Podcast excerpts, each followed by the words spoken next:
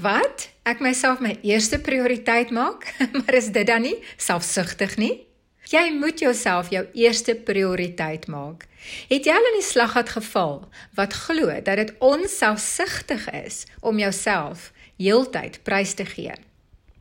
Daar is 5 maniere waar volgens diself elke dag kan opdaag. 1. Kliniese selfbeheeptheid. 2. Selfsugtigheid. 3 om self te prioritiseer, 4 om self te verloor en dan 5 om self doelbewus te pynig. Ek bespreek dit graag in meer besonderhede.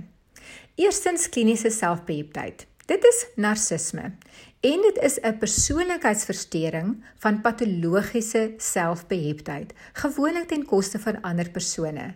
Hulle sien hulle self as perfek sonder tekortkominge en is vlugtig om swakhede in ander raak te sien. Gevoelens van onsekerheid of 'n geknakte ego word verdoesel deur ander te verneder.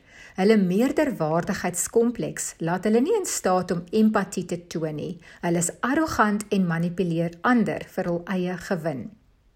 Narcisme is 'n vyand van ware selfliefde. Hulle stap 'n alleenpad en laat wonde agter. Self is gebroke en poog ook om ander mense te breek. Selfsugtigheid. Soms verwar mense narcisme en selfsugtigheid. Onthou narcisme is 'n siekte wat klinies gediagnoseer moet word, waar selfsug 'n lewenstyl van selfgesentreerdheid is sonder dat dit noodwendige siekte is. Selfsugtigheid is eintlik 'n keuse. Iemand is selfsugtig indien hulle hulle self doelbewus en konsekwent eerste stel of bevoordeel terwyl ander mense benadeel word. Wanneer iemand selfsugtig is, maak hulle self nie eerste prioriteit nie. Daar's 'n tekort aan selfliefde, liefde vir ander en aandiensbaarheid. Selfsorgend. Iemand wat homself 'n prioriteit maak, handhaaf 'n gesonde balans in hul lewenswyse. Selfsorg beteken dat 'n persoon hul eie behoeftes as ook die behoeftes van ander belangrik ag en dienooreenkomstig optree.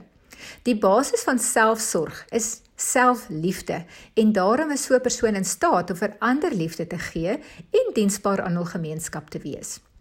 Mense wat selfsorgend is, is sensitief vir hul eie welstand of behoeftes en sal nie skroom om nee te sê indien hulle werklik nie vir 'n taak kan sien nie.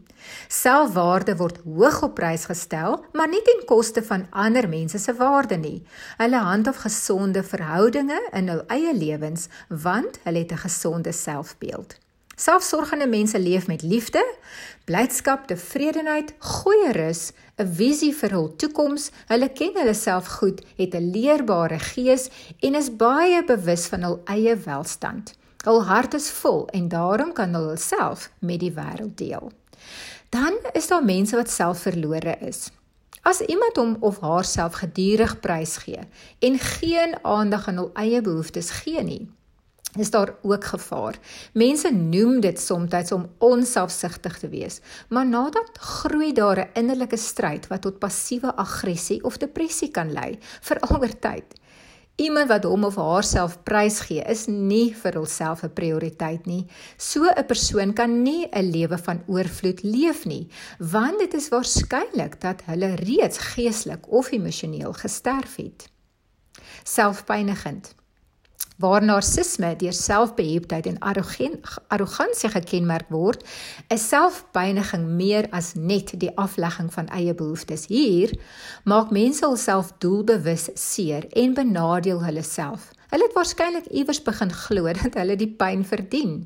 As gevolg van die wonde wat binne hul wese nog steeds bloei, kan so 'n persoon 'n obsessie ontwikkel wat in hul liggaam en lewenstyl manifesteer.